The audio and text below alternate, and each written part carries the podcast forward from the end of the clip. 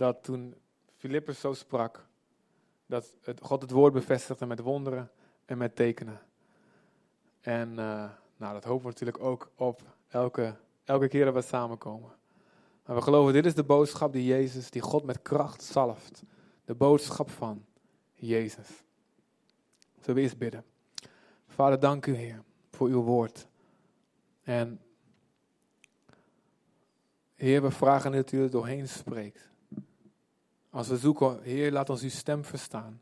Dan zegt u altijd, mijn woord heb je al. Het geschreven woord en het gepredikte woord. Doe dat. En we weten dat u ook door uw geest spreekt, aanvullende woorden, om ons te laten zien wat voor dit moment toepasselijk is.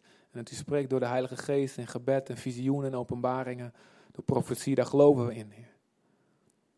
Maar Heer, nu vanochtend, als uw woord klinkt, en als we bidden, laat het het juiste woord zijn. Als de prediker het bidt, de gemeente het bidt, dan weten we, u doet het altijd. Laat uw kracht hier zijn. Laat geloof in ons harten zijn. Laat de juiste dingen in uit, eruit springen voor ons. En laat het als een zwaard van de geest werken. Zodat wij toegerust zijn, vol kracht, bemoedigd, vol blijdschap om erop uit te gaan. En mensen te winnen voor uw koninkrijk die verloren gaan. En ze als trofeeën mee te mogen nemen naar uw huis. Laat het zo zijn. In Jezus' naam. Amen. God maakte in, uh, in Genesis, lezen we dat God maakte de mensen. En alles wat hij maakte was zeer, zeer goed. Dus wij, zijn, wij waren bedoeld als extreem zeer goede beelddragers van God. God uh, maakte ons mannelijk en vrouwelijk naar zijn beeld. Hij legde zijn DNA in ons. En God zei, met dat DNA, met dat hart van mij, met dat karakter van mij, wat je nu in je draagt, dat beeld van mij, ga de hele wereld over, vermenigvuldig jezelf. En als je dat doet, vermenigvuldig je dat beeld over de hele aarde. En dit paradijs wat we nu hebben hier met elkaar, dat zal groter en groter worden met elk nieuw gezin wat een nieuw stukje aarde in beslag neemt. En overal zal de aarde vol zijn van de heerlijkheid van God. En heerlijkheid betekent het gewicht van Gods karakter. Dus Gods bedoel, bedoeling was dat overal kolonies zouden komen van beelddragers van God. En die allemaal op een andere manier een stukje van God lieten zien. Zoals een man op een mannelijke manier God laat zien. Een vrouw op een vrouwelijke manier. Een extraverte. Op een extraverte manier een introverte, een rustige persoon. Juist op die, die manier. Uh, allerlei soorten beelden van God. En samen vormden zij een compleet plaatje van de heerlijkheid van God. Dit is wie God echt is. Wil je God zien? Kijk dan naar de mensen. Wil je de onzichtbare God zien? Kijk naar Adam en Eva en hun nakomelingen. Dat was de bedoeling van God. Dat was het plan van God. Een aarde vol van glorie. Een aarde vol van de karaktereigenschappen van God. De ene is meer um, profetisch en gevoelig en de ander is juist heel erg mensgericht en de ander heel erg taakgericht en uh, verschillende mixen daarvan. Beeld van God. We weten allemaal wat er gebeurd is in de zondeval. En we weten dat daar het beeld van God verloren is gegaan. We weten dat daar in plaats van uh, het beeld van God, het beeld van de tegenstander, de slang die hen verleidde, is geplant in het hart van de mensen. Hij zei, je wil als God worden. Toch? zei de slang tegen Eva. En het klopt en er was een goed verlangen. Het is een goed verlangen om als God te worden. hey, iedereen snapt dat wij niet meer het eeuwige, almachtige schepper van het universum kunnen worden. Dat snapt iedereen. Maar om als God te worden, op hem te lijken, dat is een goed verlangen. God wil dat. Meer Jezus in meer mensen. Maar Satan zegt, het lukt niet op de manier die God aangeeft. Je moet het op een andere manier doen. Je moet het zelf pakken. En hij verleidde Eva en daarna Adam om buiten de grenzen te gaan die God had aangegeven. Eigenlijk om buiten hun vertrouwen op God te stappen. Zonde is ongeloof. En ze vertrouwden de woorden van de slang meer dan de woorden van God. En ze vielen. En vanaf dat moment, God had de autoriteit, zijn autoriteit, zijn gezag gedelegeerd aan de mensen. En de mensen voerden het gezag over de aarde namens God. Er staat in de psalmen ook, de hemel is de hemel van de Heer, maar de aarde heeft hij aan de mensen, kinderen gegeven. Dus de aarde is ons terrein. Dus dat betekent, de consequentie van de val was dus ook dat het moment dat de mensen het vertrouwen stelden op Satan, dat Satan daarmee de heer van deze wereld werd. En hij wordt genoemd de God, met kleine letter, van deze eeuw. Dat betekent niet 100 jaar in Bijbelse termen, maar van dit tijdperk. De God van deze eeuw. En dat gaat tot vandaag door, want ook na de kruisdood en opstanding van Jezus schrijft Paulus dat in 2 Korinthe 4. Satan is nog steeds de God van deze eeuw. En Johannes schrijft in Johannes 5, wij weten dat de hele wereld in het boze, in het kwaad ligt. Dus deze wereld, door onze zonde, door ons vertrouwen te stellen op Satan, en niet eenmalig, maar wij doen dat allemaal, bij elke zonde doen we dat voortdurend. Geloven we God niet, want wat God geeft is niet genoeg, ik moet het zelf pakken. Geven wij voortdurend de sleutels, de autoriteit over deze aarde en over jouw stukje aarde, wat jou gegeven is, aan de duivel. En daarmee krijgt hij de macht om te doen wat hij wil. Werken der duisternis noemt de Bijbel dat. En elke ellende is terug te voeren op het feit dat wij de autoriteit die God ons gegeven heeft, door onze daden, ons ongeloof in God en eigenlijk geloof in de stem van de leugen van Satan, aan Satan, aan de duisternis geven en toevertrouwen. Andersom betekent dat elke keuze die jij maakt om God te vertrouwen in plaats van iets anders, Satan, wat die in je geplant heeft. Elke keer dat jij kiest God te vertrouwen en, je, er komt een daad uit voort, breng jij het koninkrijk van God. Elke daad brengt het koninkrijk van God, die in vertrouwen in God gedaan is. Daarmee wordt God weer de baas over een gebied waar Satan daarvoor de baas was. Op het moment dat de mensen vallen, vervloekt God de aarde. En ook vervloekt hij de mensen. Dat klinkt heel zwaar. Denk aan een tovenaar die met een staf zo. Ga je vervloeken? Misschien denk je dat. Ik keek te veel strips en tekens van vroeger. Dan krijg je dat. Misschien denk je dat helemaal niet. Maar God beschrijft eigenlijk. Hij beschrijft. Dit zijn de consequenties, de gevolgen van de val zijn dit. En hij zegt tegen de, de man. Zegt hij, vanaf nu zul je hard moeten werken. Dat betekent, daarvoor lag Adam in zijn hangmat. Weet je, er viel gewoon een papaya gesneden al in zijn mond. Hij hoefde niks te doen, denk ik. Uh, de, ja, had ook geen vlees. Dus alle, het was echt fantastisch. We hebben onze eerste banaan van een bananenboom gegeten, yes. Uh, het groeide en hij, het was, hij, er was geen onkruid. Er waren geen doornen en distels. En vanaf dat moment zegt God, vanaf nu zal het niet meer zo gaan. Je zal hard moeten werken. Is het dan een straf? Aan de ene kant wel, maar aan de andere kant is het ook, God weet vanaf nu met deze natuur, met het beeld van Satan in en met de zonde in de mens, is het gevaarlijk als ze, als ze niet meer hoeven werken. Als ze alleen maar vrije tijd hebben. Dus eigenlijk, God zegt, ik moet ze werk te doen geven. Anders wordt het kwaad te groot. Denk maar aan het spreekwoord ledigheid. Leegheid is de duivels oorkussen. Des duivels oorkussen. Waarom, hoe willen ze criminele jongeren uh, op het rechte pad helpen door hun iets te doen geven? hey, ga eens wat nuttigs doen, weet je. Als ze te weinig te doen hebben. Dus God zegt vanaf nu, de aard van de aarde is veranderd. Het zal dorens en distels voortbrengen. En je zal moeten zweten. Dan zal het zijn vrucht geven. En we zien vanaf dat, vanaf dat moment de wet uh, in werking stellen. Sommigen noemen het de wet van Murphy. Je bouwt iets, maar je moet zo niet alleen in de, als je de grond bewerkt, maar als je een huis bouwt, of als je een bedrijf runt, of als je een team wil smeden, of als je een doel wil bereiken. Er komen allemaal van dat soort tegenslagen, onkruid, wat jouw harde werken verstoort. En alleen met zweten en met werken, kom je ergens. En God zegt later ook in de Bijbel, een luiaard die doet niks, die denkt dat het als Adam voor de val komt aanwaaien. Maar je ziet zijn hele huis en zijn wijngaard zal overgroeid worden met dorens en distels. Je moet werken. Het moet gewoon nu. Maar het spreekt ook geestelijk over het feit dat goede daden, daden van liefde, een hart van liefde, niet meer automatisch uit ons groeit. Er moet gewerkt worden. Het is een moeite, het is een strijd om liefde te cultiveren in je eigen hart en in de mensen om ons heen. En voor God is het ook een hard werk om in de kerk deze, dit hart van Hem, het hart van pure, onbaatzuchtige, vrijgevige, overvloedige liefde te bouwen.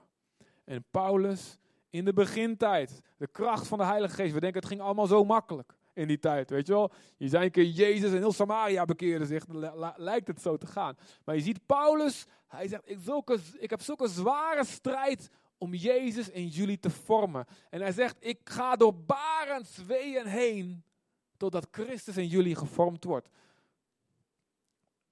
Er moet zoveel pijn geleden worden, zoveel offers gebracht worden. Wil Jezus gevormd worden in een kerk, in een lokale gemeente, in het lichaam van Jezus over de volle breedte. Er moet gezweet worden. Snap je dat?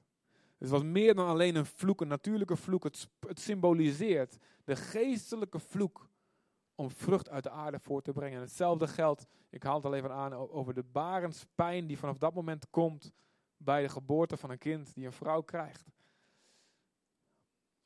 Jezus wordt niet meer zomaar geboren. Een wedergeboorte vindt niet meer zomaar plaats. Er gaat pijn en moeite mee gepaard. Om een nieuwe kerk te beginnen, om een nieuwe bediening te beginnen. Om iemand tot Jezus te leiden, zal er geofferd moeten worden.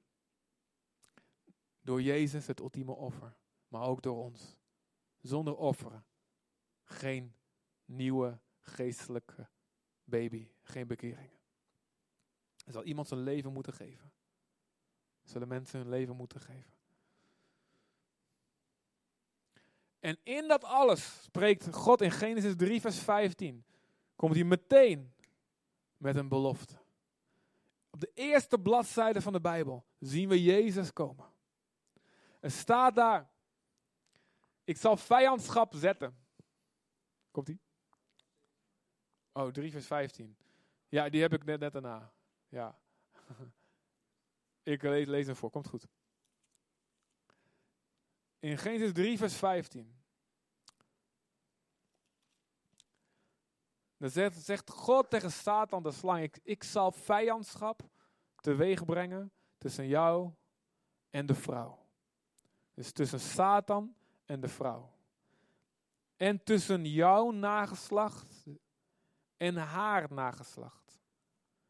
En er staat daar letterlijk in het Hebreeuws ook het zaad van de vrouw. Het nageslacht van de vrouw. En wij zijn allemaal kinderen van een vader en een moeder. Amen. Ook al ken je je vader niet, heb je hem nooit gekend. Er komt een vader aan te pas. Ja, toch? Er is er maar één die alleen nageslacht is van de vrouw. En dat vieren we deze maand. Wie is dat? Al Jezus geboren uit een vrouw, niet uit een man. Want het zaad, zeg maar, God legde door de Heilige Geest de bevruchting in Maria. Dus meteen in de eerste bladzijde zien we God profeteren over de toekomst.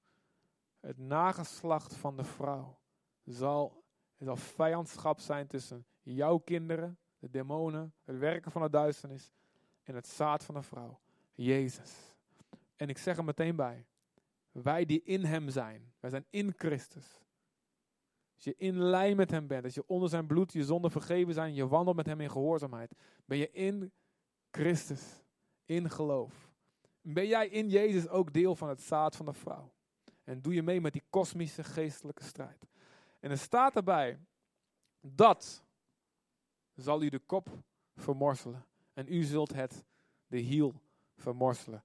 Dus Satan zal de hiel vermorselen van het zaad van de vrouw, dus van Jezus. Satan zal iets kunnen doen. Maar uiteindelijk zal Jezus de kop van de slang Met al die geluidseffecten erbij. Vermorzelen. Totaal te niet doen. God spreekt van het begin af aan over de kruisiging, over de opstanding, over de overwinning van Jezus. In openbaring staat dat het lam van God is geslacht vanaf de grondlegging van de wereld, van, al van voor daaraf. Dus is, is, de, is Jezus plotseling op het idee gekomen? Is de vader op het idee gekomen na, na, na zoveel duizend jaar? Jongen, zullen we, ja we moeten een plan bedenken.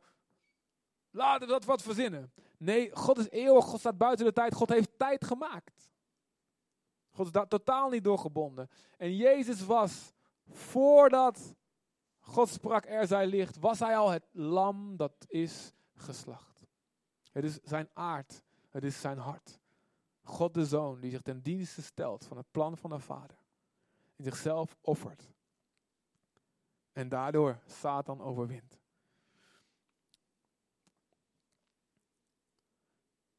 En als Adam dan kinderen krijgt, dan zie je dat hij kinderen voortbrengt naar zijn aard, naar zijn eigen aard. En ze lijken niet op dat beeld van God zoals het bedoeld is. Ze lijken op Adam. En ze leven in ongeloof. En ergens had Adam nog wel een relatie met God. Maar bij elke generatie zie je het onrecht en de zonde toenemen. Wraak zie je toenemen. Je ziet uh, mensen hun, hun heil en hun geluk zoeken en allerlei andere dingen buiten God om. Totdat de aarde zo slecht wordt. Dat er staat in Genesis 6. God kreeg pijn in zijn hart. Het, het, het, trof hem diep in zijn hart. Het sneed hem door zijn hart. God heeft een hart waar dingen in kunnen snijden. Want hij zag dat de gedachten van de mensen altijd, op elk moment, alleen maar slecht waren. En God zegt, ik maak hier een einde aan. Maar ik roep één man om een boot te bouwen. Een man die nog nooit regen heeft gezien. Er kwam een damp op van de aarde.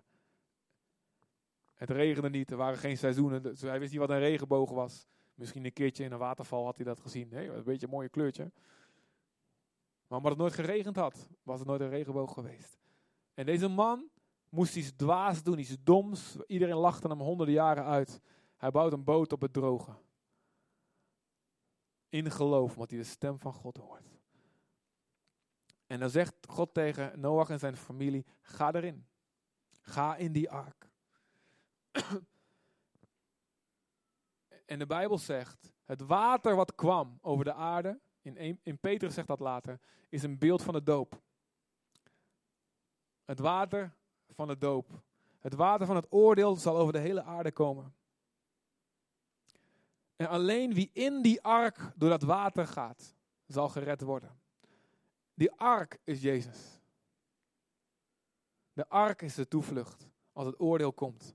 En alleen wie in Jezus door het water, gesymboliseerd door de doop, wie in Jezus door dat water gaat, zal gered worden. Jezus zegt dat later, wie geloofd is en zich laat dopen, zal behouden worden. En dan begint daar na Noach een nieuw mensenras. En zo ook vanuit Jezus begint daar een nieuw mensenras. En wij allemaal, van de Papua's tot aan de Pygmeeën, van de Siberiërs tot aan de Sri Lankanen, van de Afghanen tot de Arubanen, en van de Nederlanders tot de Nepalezen. Wij zijn allemaal nakomelingen van Noach. En zo zal, is het, dat symboliseert ook de aarde, de nieuwe wereld die God zal scheppen na het oordeel, zal alleen bewoond worden. Nieuwe hemel, nieuwe aarde, alleen bewoond worden door wie in Christus door dat water heen, heen gegaan zijn.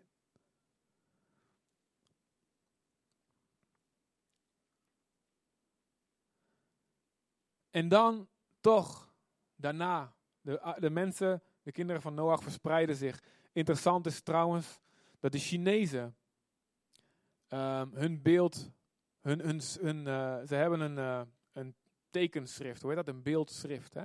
Dus hun, hun, uh, hun taal is gemaakt van plaatjes. En het beeld voor boot is een schip met acht personen erin. Precies zoveel mensen als in de ark waren. Er zijn ontzettend veel eh, aanwijzingen van het verhaal van Noach, alles voor Noach, ook in de Chinese taal. Het is heel interessant om een keer op te zoeken. Google het, kunnen we allemaal.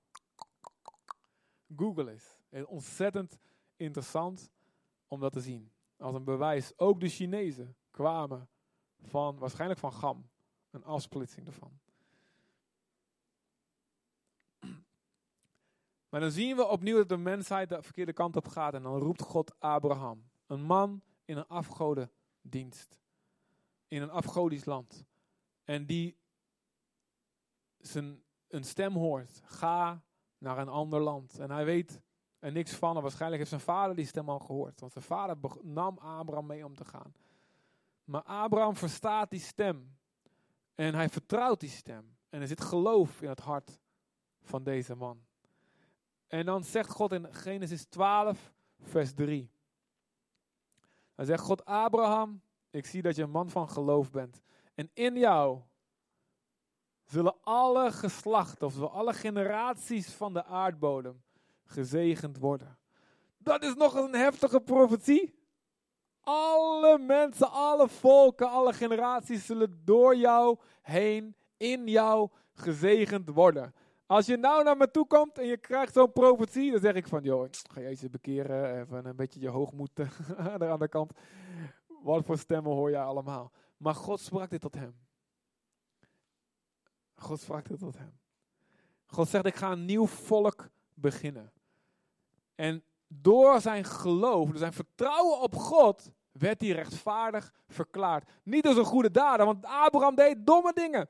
Hij loog over zijn vrouw dat hij zijn zus was. Twee keer, niet één keer. Hij deed twee keer. eerste keer kreeg hij problemen, deed gewoon nog een keer. Wie herkent zichzelf daarin? Oh. Ik de enige. Alleen een ezel, oké, je weet. Ik, ik en Abraham snappen elkaar. Echt waar. Leugenaars op zondag. Dus het lag niet aan of hij, zich of perfect wandelde, maar hij vertrouwde God.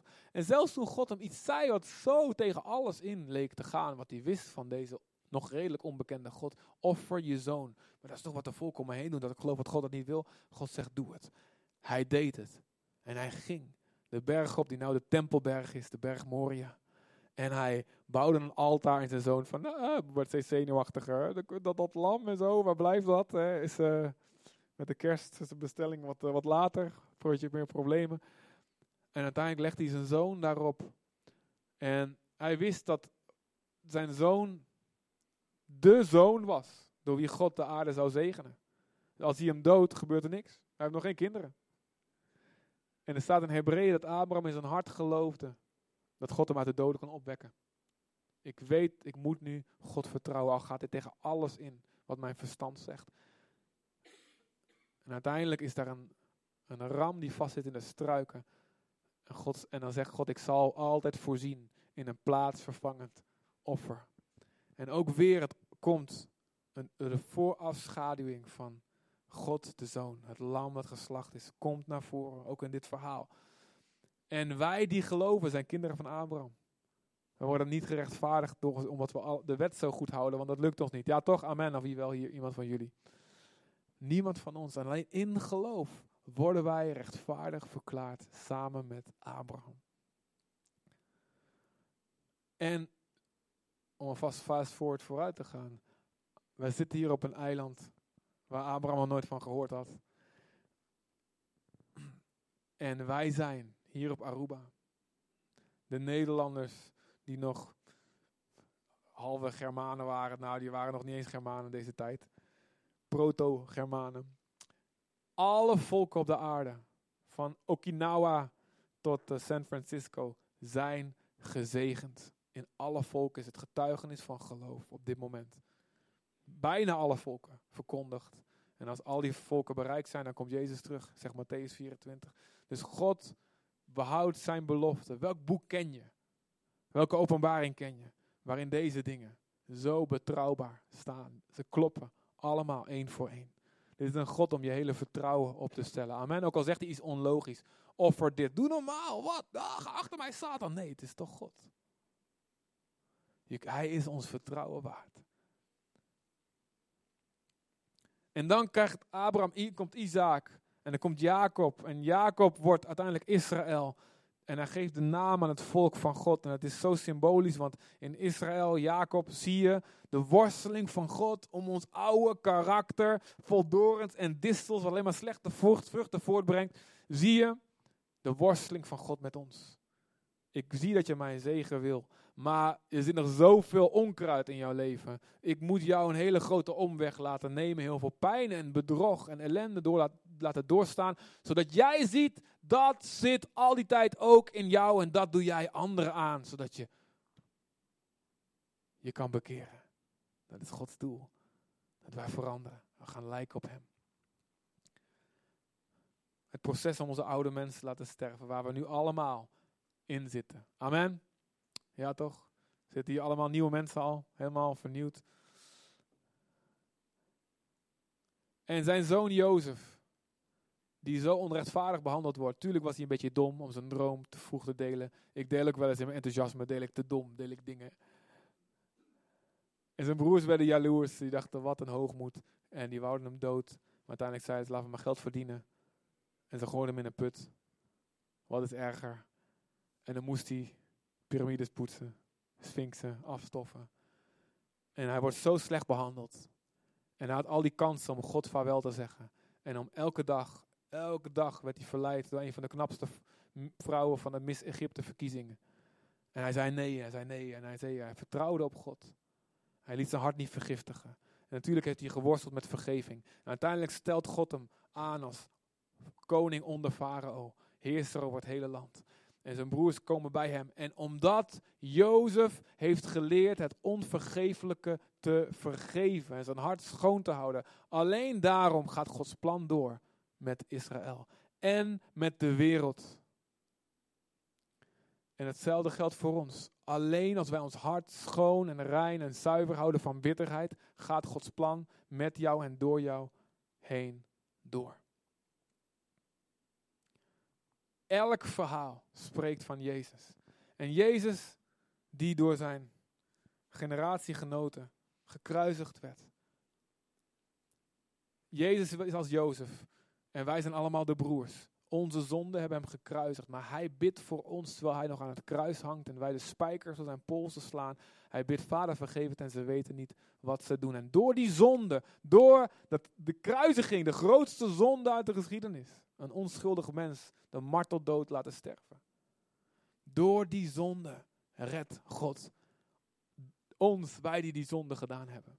Net als de broers van Jozef. Is God niet een geweldige God? Amen.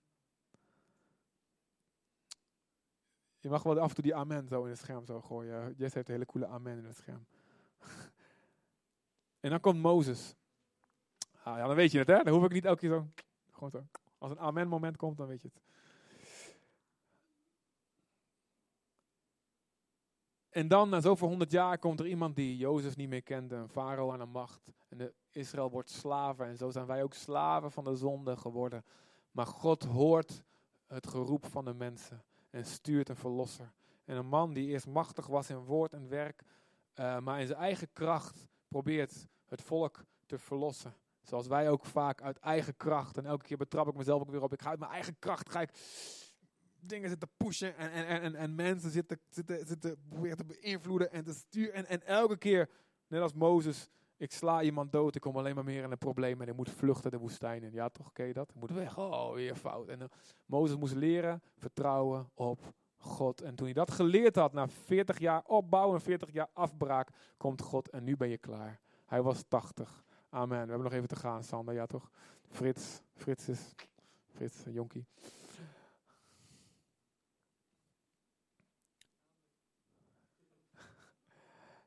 En er komt, God openbaart zich aan Mozes in zijn zwakheid. En zo ook, God kan dingen in je opbouwen en daarna net zo makkelijk weer afbreken en zeggen, nu ben je klaar in je zwakheid.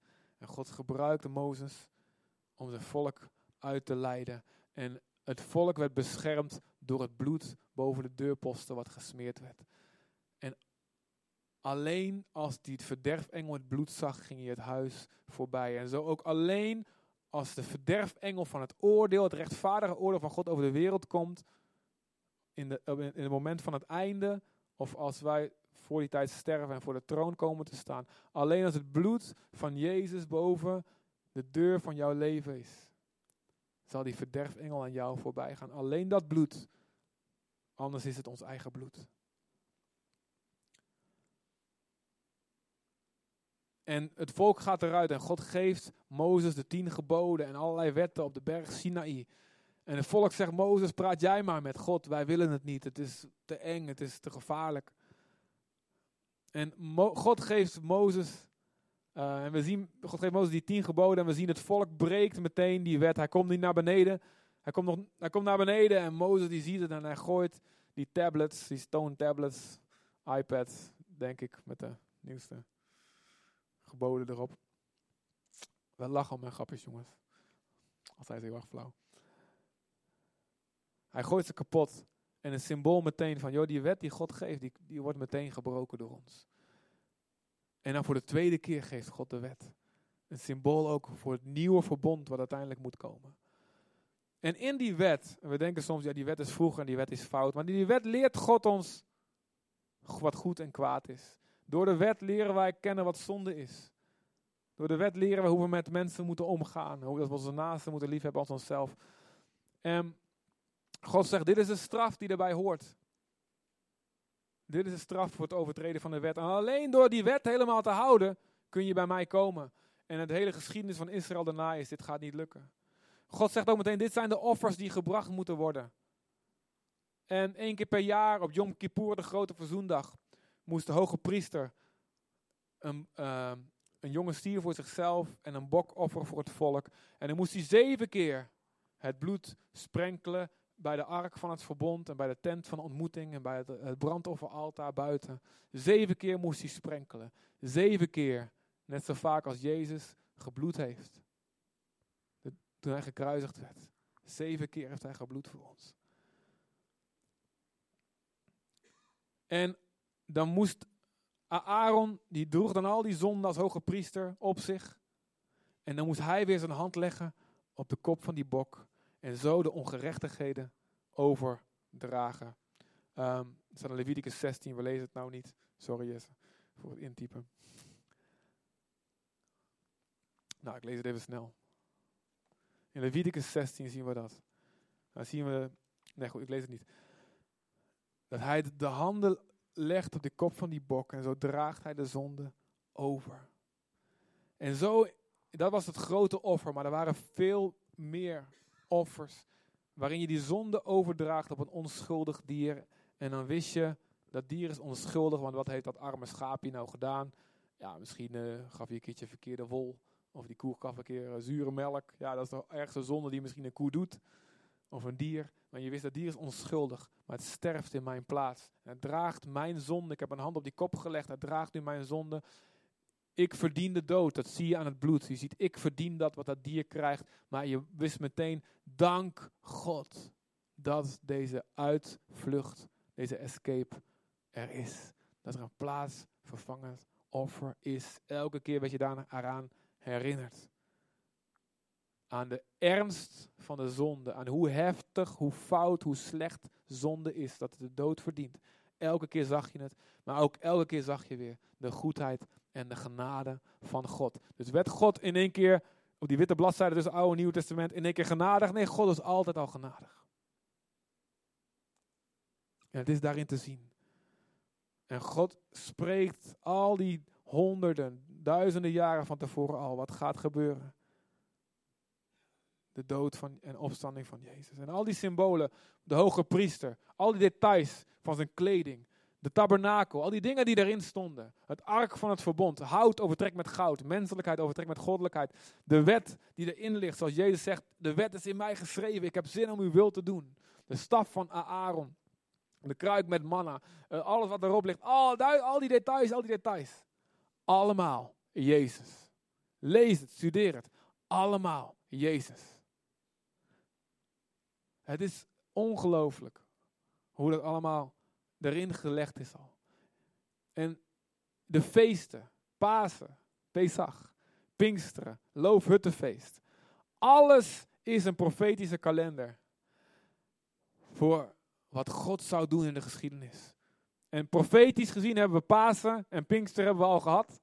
En ik hoop dat je dat persoonlijk ook gehad hebt. Als je tot Jezus komt, heb je Pasen gehad. Als je vervuld met de Heilige Geest, is jouw Pinksteren. Maar op de, op de klok van God staat nog het feest van de bazuinen, de grote verzoendag, de verzoening van Israël met God. En het Loofhuttenfeest, de terugkomst van Jezus. Maar Mozes, deze Mozes die de wet geeft, brengt ze uiteindelijk niet in het land. Maar Jozua, in andere woorden Yeshua in het Grieks, Jezus, brengt ze uiteindelijk in het beloofde land. Niet Mozes, niet de wet kan je brengen in de plek waar je moet zijn. Niet zelf keihard je best doen en proberen je te houden aan de wetten van God kan jou brengen op de plek waar God je wil hebben. Maar vertrouwen op Jozua, Jezus, brengt jou in het land waar God je wil hebben. Ik ook voordat God me aanraakte, jongen, ik wist ik moet dit doen, ik moet dat doen. Ik, ik, ik, ik moet niet ik moet niet, niet, niet slecht spreken over mensen. Ik moet niet oordelen. Ik mag niet met meisjes naar bed en al die dingen. En ik baalde ervan, van al die wetten en de regels. Ik probeerde onderuit te komen. En als ik het probeerde om goed te doen, het lukte niet. Ik verknalde dat altijd. Het lukte niet. Maar toen Jezus mijn hart aanraakte. En ik een nieuw hart kreeg. Gebeurde iets van binnen. En zo kom je in het beloofde land van God. Dan komt de tijd van de, van de, van de rechters. Dan komt de tijd van de koningen. En David krijgt een belofte van God in 2 Samuel 7, vers 12 tot 16. Dan zegt God, ik zal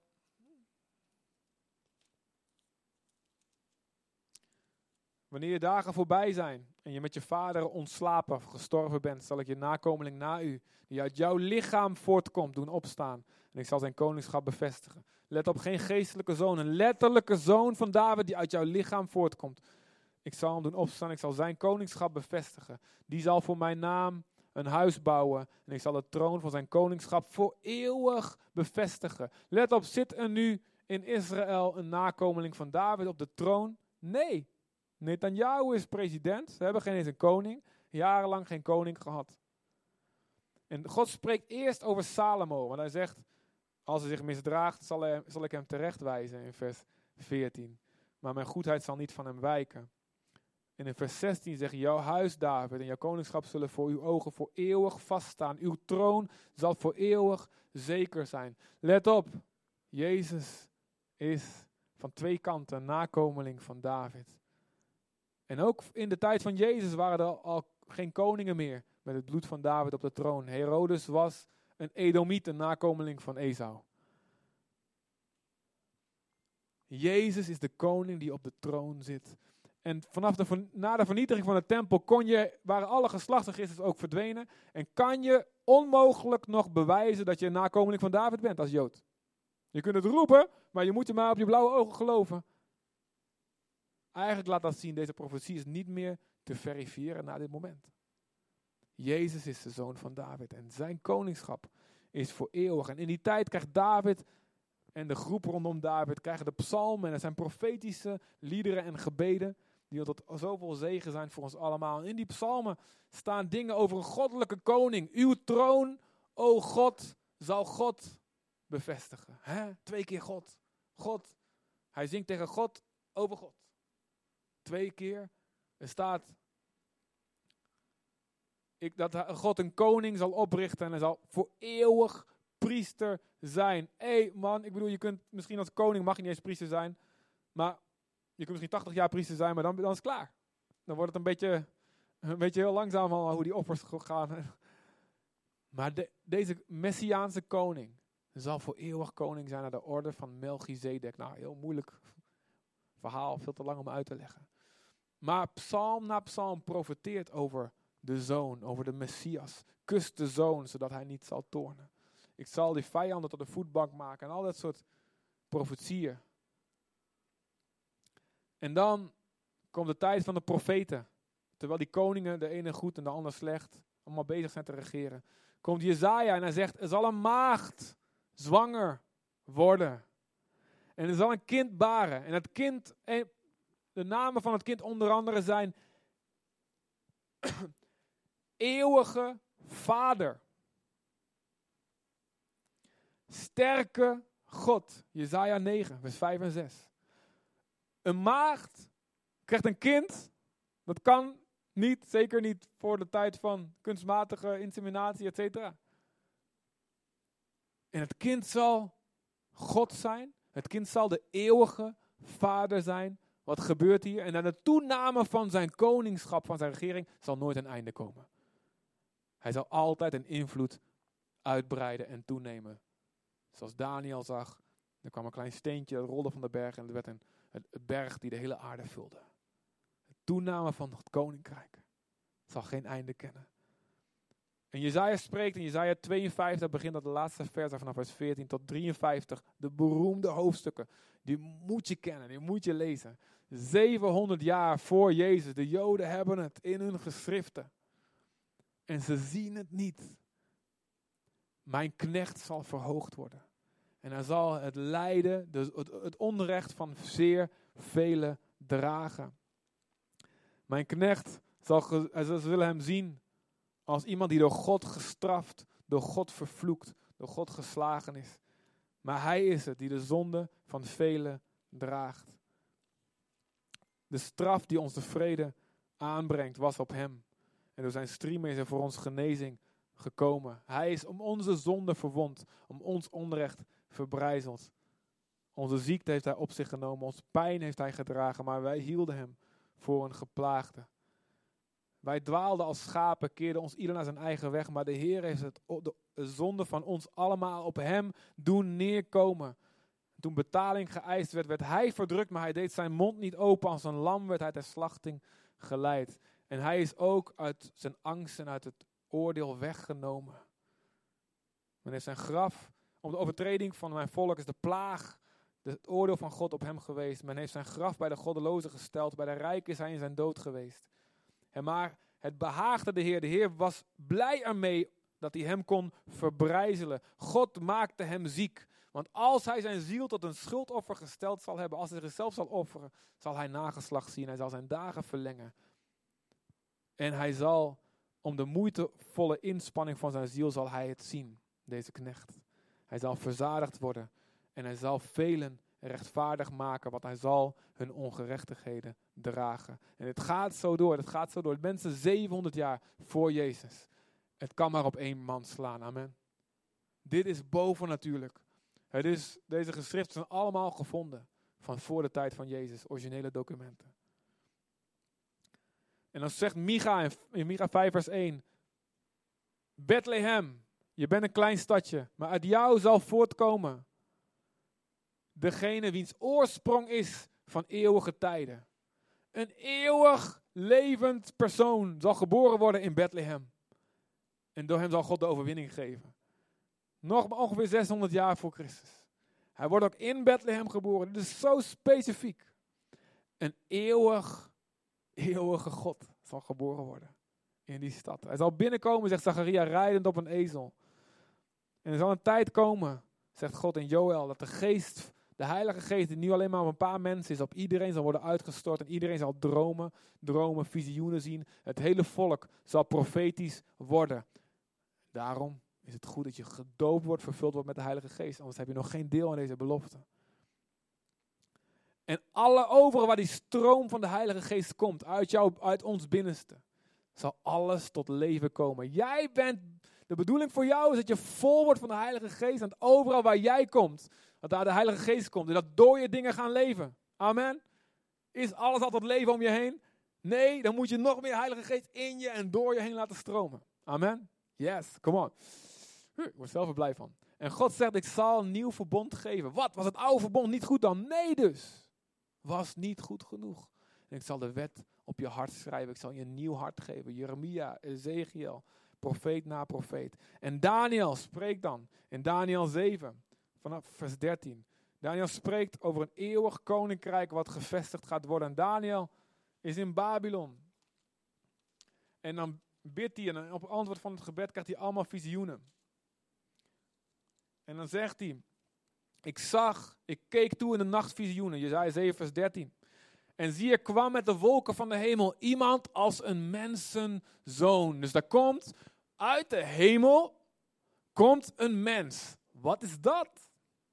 Een mensenzoon. De titel die Jezus voor zichzelf pakte. Zei, ik ben de zoon des mensen. Herhaalde die, deze tekst uit Daniel aan.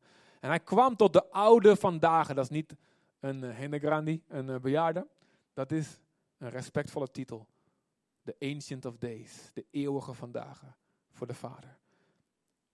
En hem, de mensenzoon, werd gegeven heerschappij, eer en koningschap. En alle volken, natieën en talen moeten hem vereren. Zijn heerschappij is een eeuwige heerschappij die hem niet ontnomen zal worden. Zijn koningschap zal niet te gronden gaan.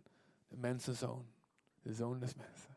Hij krijgt de eeuwige heerschappij en hij komt uit de hemel. Wat is dat? Dan wordt de tempel is dan al verwoest als Daniel dit spreekt. Er wordt een nieuwe tempel gebouwd. Jeruzalem wordt herbouwd. Jeruzalem wordt als volk bewaard en wordt door de ballingschap voor goed genezen van afgoderij. Er is geen afgoderij meer. Na de ballingschap. Dat was een goede therapie van God. Pijnlijk, maar goed. En dan 400 jaar is God stil. En dan plotseling komt Johannes de Doper. En zijn geboorte is gepaard met wonderen en tekenen. Hij moest komen, profeteerde Malachi al in het laatste boek voor het Nieuwe Testament begint. Hij moet komen, anders gaat het fout met Israël als de Messias komt. En, en hij moest de weg voorbereiden. En hij bereidde de weg voor door te zeggen, Israël, ook jullie moeten je bekeren, niet alleen die buitenlanders. Jij moet je ook laten dopen, niet alleen die buitenlanders die Jood willen worden. Ook jij moet je bekeren. Lijkt erop, net als de boodschap die elke christen moet horen, die christelijk en zo netjes en heilig is opgevoed, zogenaamd aan de buitenkant. God zegt, ook jij moet je persoonlijk bekeren. Hoe beschaafd en netjes je ook bent. Je moet erkennen, jij hebt Jezus nodig. Want door geboorte kom je het koninkrijk niet in.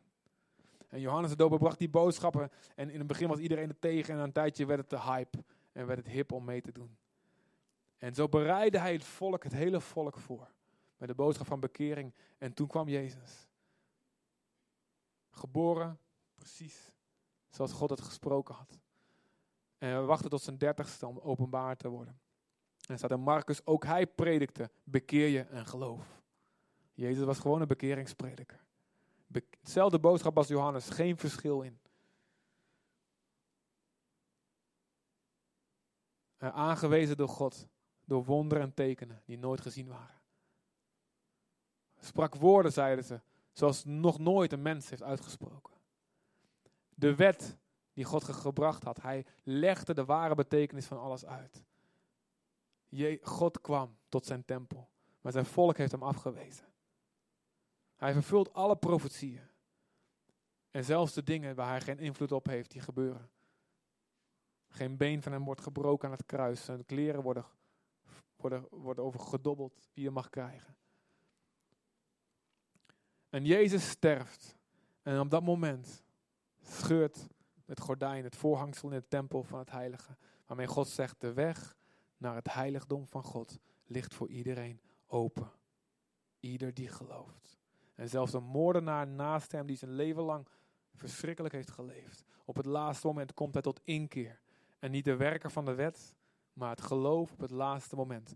Red deze man. Jezus staat op uit de dood en hij verschijnt aan zijn discipelen, eerst aan vrouwen en dan aan zijn discipelen en dan aan 500 man tegelijk. Dat was nog eens een megakerk. En Jezus verschijnt daar. En vele daarvan, schrijft Paulus 40 jaar later, zijn nog steeds in leven die daarbij waren. Je kunt nog navragen. Dat ze mensen allen in een grote kerk Jezus gezien hebben. Letterlijk. Tegelijk. En die kleine vervolgde groep van Galileërs met een zwaar accent uit de Achterhoek provincie worden uiteindelijk zo enorm groot. Dat provincie na provincie zeggen ze, gaan ze klagen, onze tempels zijn leeg. Niemand gaat meer naar de, naar de Diana van Artemis, et cetera. Ze gaan allemaal naar de kerk. Provincie na provincie wordt geschud. En uiteindelijk het hele Romeinse Rijk, wat zo furieus tekeer gaat om deze christenen te doden, valt en wordt christelijk. En het heeft heel veel slechte dingen gebracht, dat het politiek werd, et cetera. Maar op dit moment kunnen wij zeggen, Gods belofte van Abraham is vervuld. Alle volken zijn bereikt. En het christendom in zijn vervuilde, corrupte vorm, zelfs wat het vaak geweest is, zelfs in die afgezwakte vorm is het het zout van de aarde geweest en het licht van de wereld. Amen. En daar kunnen we trots op zijn. Alle goede dingen en ontwikkeling en wetenschappelijke doorbraken die wij kennen. En dat wij zo gewoon vinden dat er een ziekenhuis is en dat er schoolsystemen zijn. Allemaal dankzij de doorbraak van het evangelie. En daar mogen we veel trotser op zijn als christenen. Gods beloften aan Abraham en Israël zijn vervuld in Jezus. Gods beloften aan de mensheid zijn vervuld in Jezus. En nu zegt God iedereen, tegen iedereen, kus de zoon in Psalm 2. Hij zegt het tegen ons vandaag, hij roept het tegen de hele wereld. Maak verzoening met de zoon. Doe wat Jezus zegt. Jezus zegt niet alleen geloven en ook instemmen mentaal, maar het niet doen. Doe wat hij zegt. Discipelen, leer de mensen alles te doen wat ik zeg. Dus als Jezus zegt vergeef, anders zal je niet vergeven worden. Doe dat, vergeef. Als Jezus zegt geef je leven, en dan zal je het, alleen dan zal je het behouden. Doe dat dan. Geef alles wat je hebt. En elk woord van Jezus. Wij laten ons geloof zien door het te doen. Al doen we het niet perfect en struikelen we. En moeten we ook eens zeggen, sorry God, ik probeer het. Maar God ziet ons hart en onze wil, dat we ons onderwerpen aan Jezus. En als we dat doen, komt het koninkrijk van God. En draag jij weer het beeld van God. Steeds meer en meer, een klein beetje meer. Met elke actie die hij doet onder zijn autoriteit. En het, het koninkrijk van het kwaad wordt verbroken. En God vestigt zijn heerschappij. Van Jezus. Door jou heen. En er komt een moment dat hij zal terugkomen. Elk oog zal hem zien. Het zal geen stiekeme komst zijn. Zoals sommigen hebben gezegd. Iedereen zal hem zien. En alle stammen en landen van de aarde zullen rouw bedrijven, weeklagen, omdat ze hem niet hebben geloofd. Zij die hem niet geloofd hebben. Maar uit elk volk en elke taal en natie redt God mensen die geloven. En jij bent daar deel van. Op dit moment.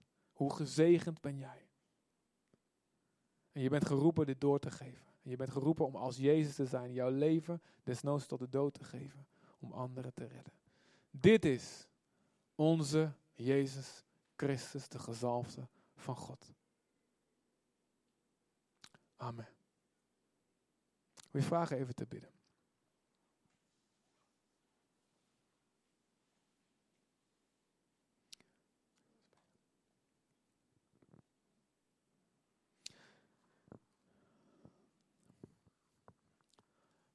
Heer, uw lichaam is gebroken voor ons. Uw bloed is vergoten voor ons. Ik bid voor iedereen die hier zit, Vader. Ik bid dat elke zonde onder uw bloed bedekt zal zijn. Ik bid u, Vader. U zegt, alles wat uit het hart van een mens voortkomt, maakt ons onrein. Overspel, zelfs in onze gedachten. Fantasieën over mensen wie we niet getrouwd zijn. Het kwaad wat dat doet, Heer.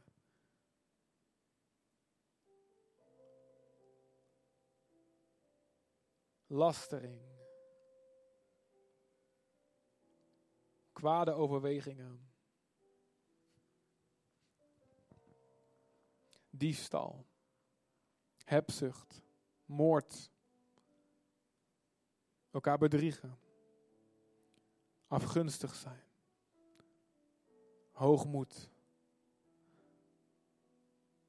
Van binnenuit komt het, zegt Jezus, deze Jezus uit het hart van de mensen. En wij allemaal zijn er schuldig aan, Heer. Zijn er schuldig aan geweest. En u heeft ons afgewassen. U heeft ons schoon gespoeld. Het water van het doop heeft het laten zien. Maar we willen doorgaan in die gehoorzaamheid aan u, Heer. We keren ons af met een grondige haat van elke zonde. Alles wat naar het beeld van Satan is. De vernietiging die dat brengt. Ook de zonde van nalatigheid. Als u spreekt en we doen het niet. We denken aan onszelf. We zoeken comfort en luxe en de makkelijkste weg. En de, het kwaad wat dat veroorzaakt. De mensen die verloren gaan daardoor. Vader, vergeef het ons. Jezus, u bent de Christus. In u hebben wij de vergeving. Help ons om nu met geloof te reageren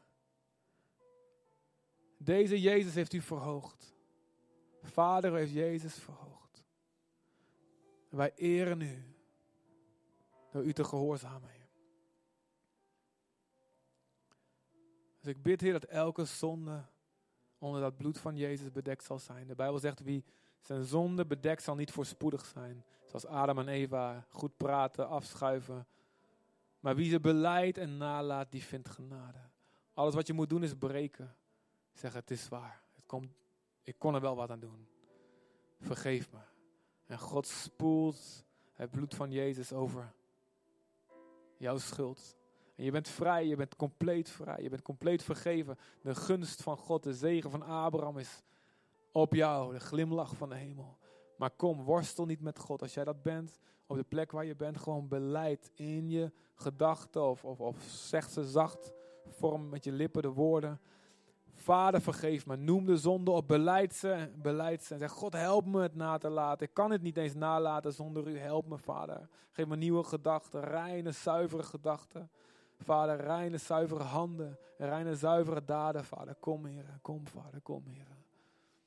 Vergeef me als ik lui ben, traag ben, Heer. Op mezelf gericht ben. Vergeef ons. Spoel ons schoon. Dank u, Heer. Dat we deel mogen hebben aan deze Christus. Als we ons hart niet zuiver hebben gehouden als Jozef, maar vol haat en egoïsme en wraak zitten. Of, hoogmoedig zijn. Onszelf belangrijker vinden dan anderen, niet willen dienen. Vergeef ons, Vader, vergeef ons, Vader. Jezus, U willen we geloven.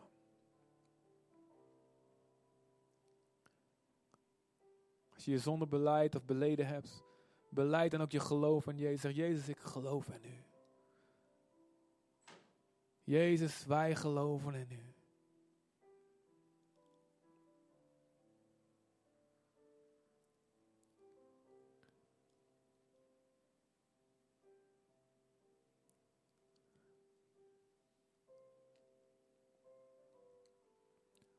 Levend offer, Heer, heilig en aangenaam voor U. Hier zijn wij, hier zijn wij. Wij leggen voor uw troon neer al onze dromen en onze... We staan dit zingen. Hier verraden. Brood nam en nadat hij gedankt had, brak hij het en zei: Neem, eet, dit is mijn lichaam, dat voor u, voor jou gebroken wordt. Het moet, zijn lichaam moet gebroken worden. Hij was het offer. Doe dat tot mijn gedachtenis, oftewel blijf dit doen.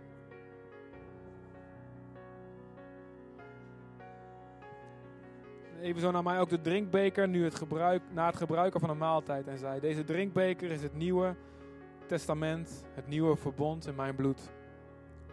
Doe dat zo dikwijls, zo vaak als je die drinkt.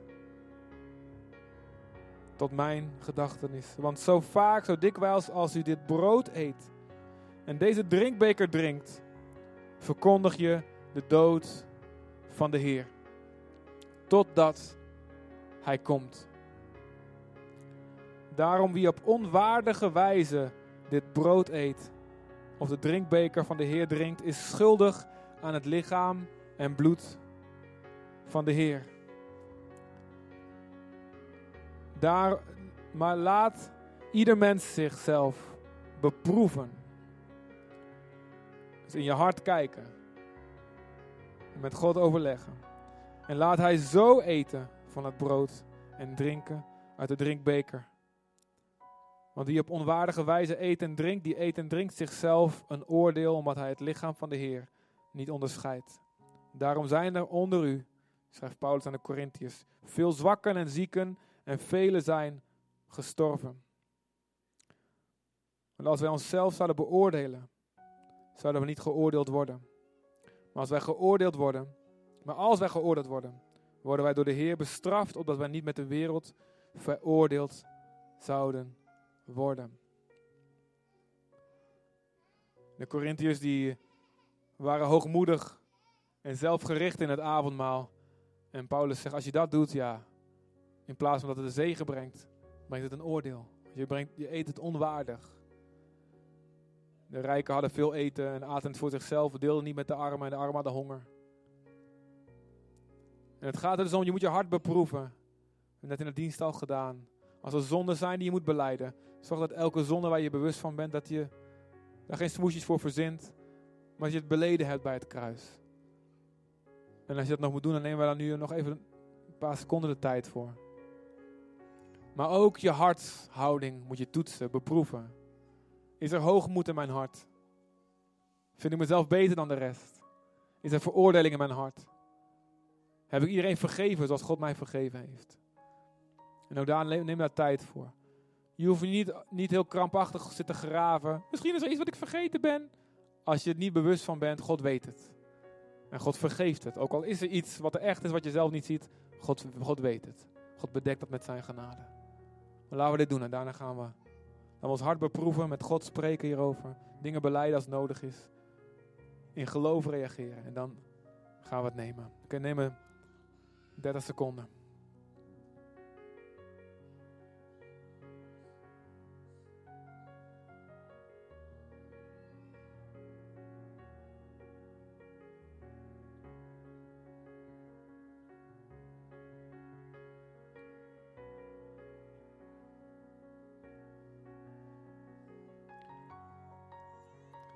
Het gevoel als er mensen zijn die leugentjes hebben verteld. Je, je noemt ze leugentjes, beleid het. Maak het niet kleiner.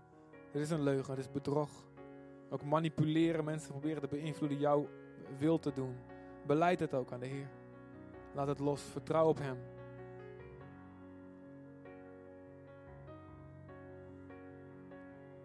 Controle vasthouden en daarmee anderen pijn doen. Vertrouw God, laat de dingen los. Vergeven. Oordelen, allerlei conclusies en meningen. Maak je hart zacht voor de Heer. Een hoogmoedige beeld van je eigen mening, dat je het allemaal beter weet. Ook daar bekeer je daarvan als jij dat bent. God is hier. Dank u, Vader.